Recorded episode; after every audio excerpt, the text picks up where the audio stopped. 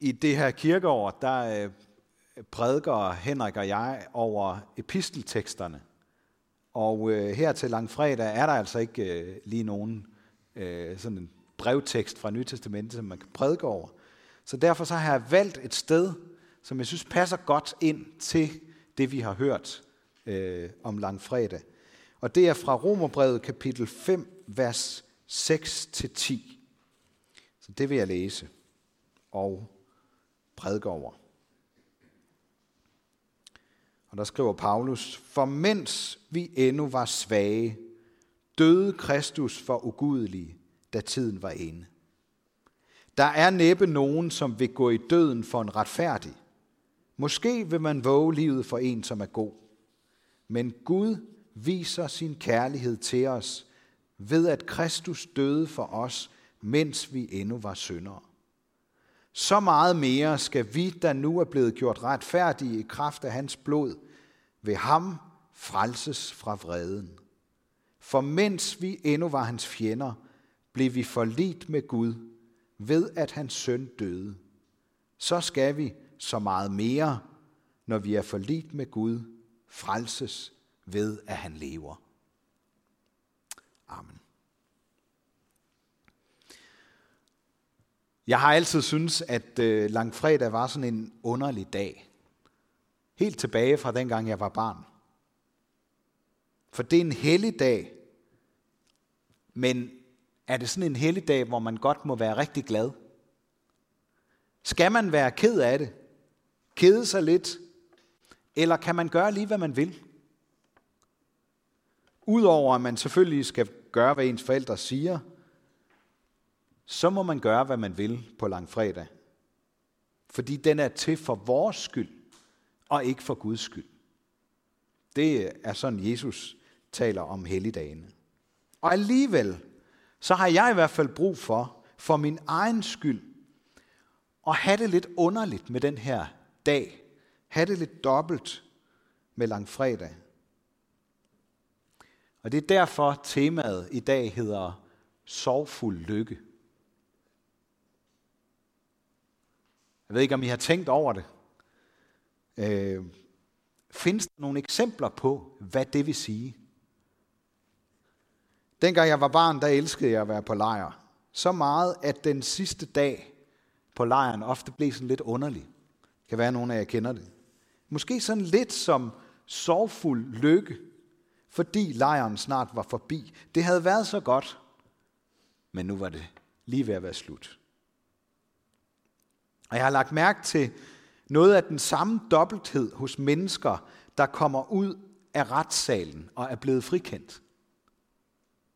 De er ofte sådan utrolig lettede og så nærmest helt overstadige lykkelige.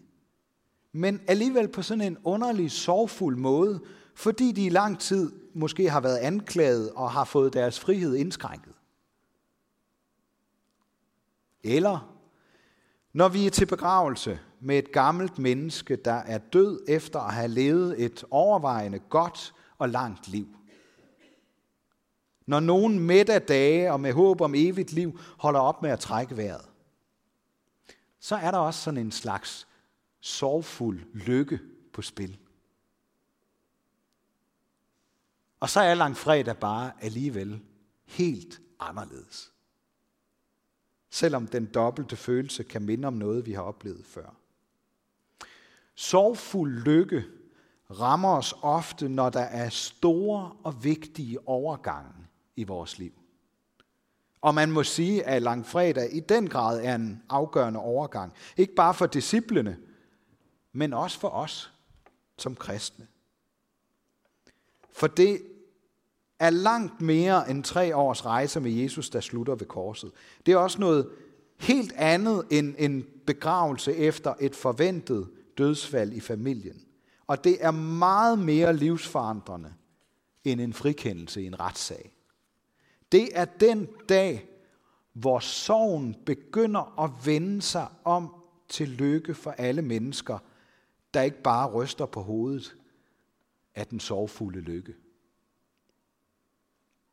Lad os prøve at mærke lidt på sorgen først. Det er symboliseret ved den sorte farve og det tomme alterbord, der er kun det sorte kors tilbage. I dag sørger vi over menneskeheden. At vi mennesker er i stand til at ødelægge det hele for hinanden og os selv i en helt utrolig grad, så det bliver til ulykke. Men, men det er også en sorg over os selv. At vi ikke selv kan løfte os op af syndens mørke og skyldens hængedøn. Det onde, det vil ende med at tage livet af os alle, hvis vi ikke sørger over vores synder og beder Jesus om at løfte os ud af skylden og op i friheden. Det er også en sorg over den afstand til Gud, som vi mærker i forskellige grader på forskellige måder som mennesker. Vi kan da føle os helt forladt af Gud, som Jesus blev det på korset. Og det uhyggelige er, når vi oplever, at der også inden i os findes en modstand imod Gud og imod at bede ham om hjælp. Nogle gange så kan vi mærke det fjendtlige inden i os. Og derfor er det også så trøstende at høre, hvordan Paulus trækker det, der skete langt fredag sammen og kalder det for Guds kærlighed. Et udtryk for hans kærlighed til os. Han elskede os allerede dengang vi ikke havde hørt noget som helst om ham, og slet ikke kunne kalde ham for vores ven. Og han kan elske vores fjendtlighed væk med sin kærlighed, hvis vi lader ham komme tæt på os med sin ånd. Og han kan fjerne vores synd og skyld fra os. Og han kan bytte ulykken ud med lykke, hvis vi giver ham lov. For vores store lykke er, at Jesus døde for os, mens vi endnu var syndere, og han både elsker venner og fjender. Men det allerbedste, det er, at han fjerner afstanden mellem Gud og os ved at forlige os med Gud. Eneste mulige scenarie, det var, at han selv tog Guds vrede på sig og bar vores straf på korset. Og det er grundlaget for vores frikendelse og begyndelsen til et nyt liv i fællesskab med Jesus som vores frelser og Gud som vores ven. Nu ved jeg jo ikke, hvordan du har det med at forstå store og dybe sandheder. Jeg kan bare sige, at det er som om, jeg har utrolig svært ved at holde fast i det.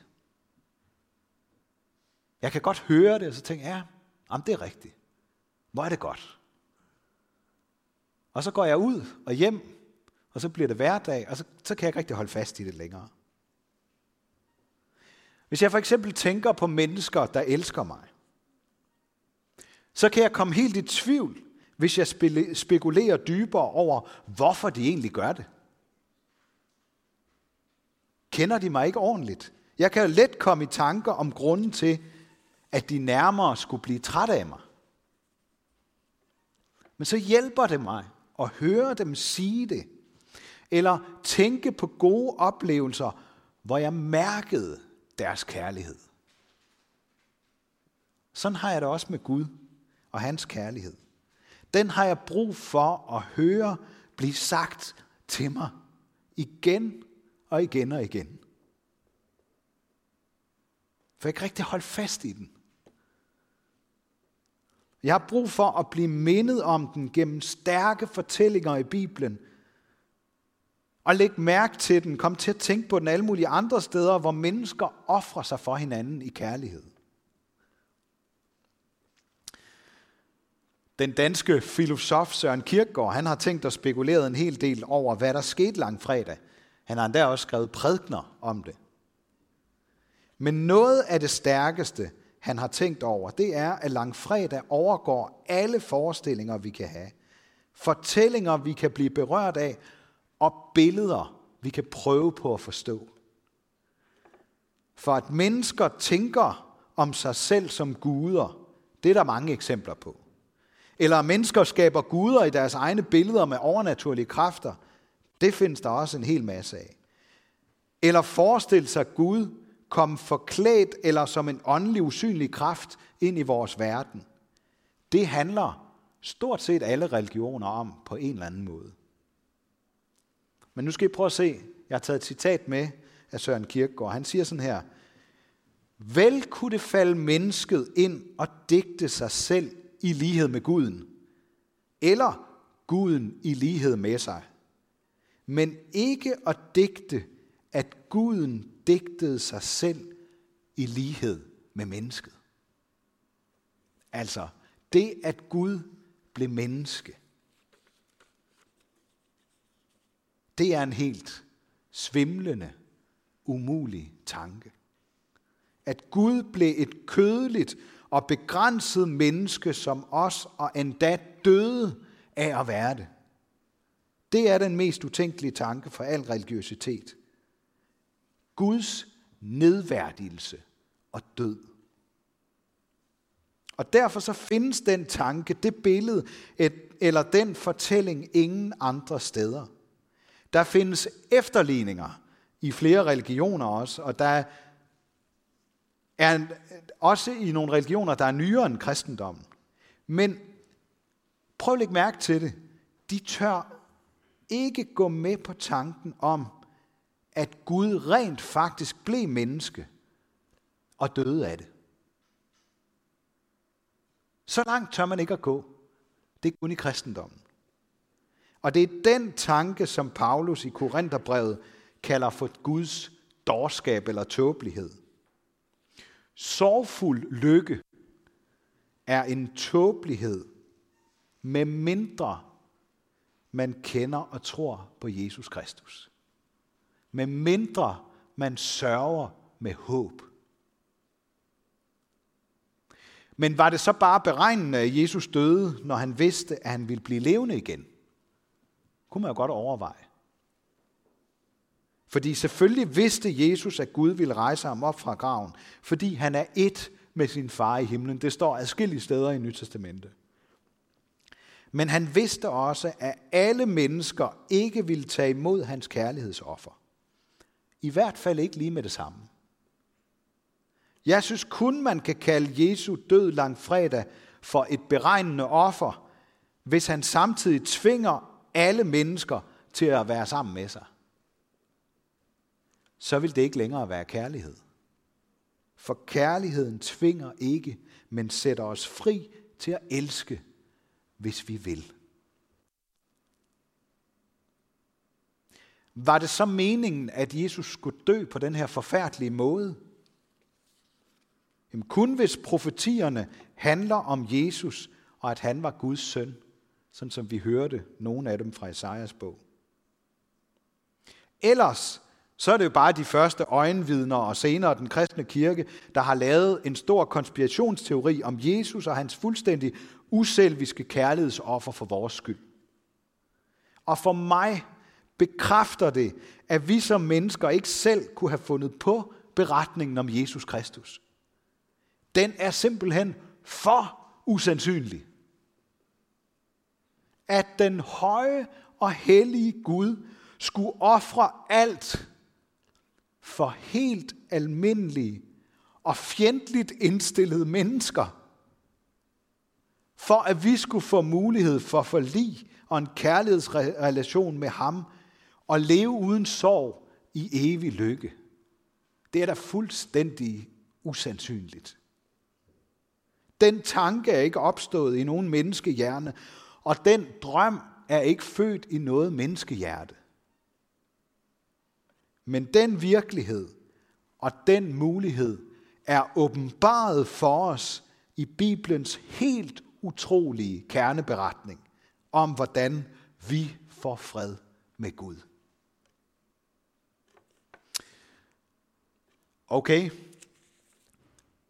så her lidt til sidst afrundende. Hvad skal vi så med sådan en dag som i dag, langfredag? Skal vi føle sorg eller lykke?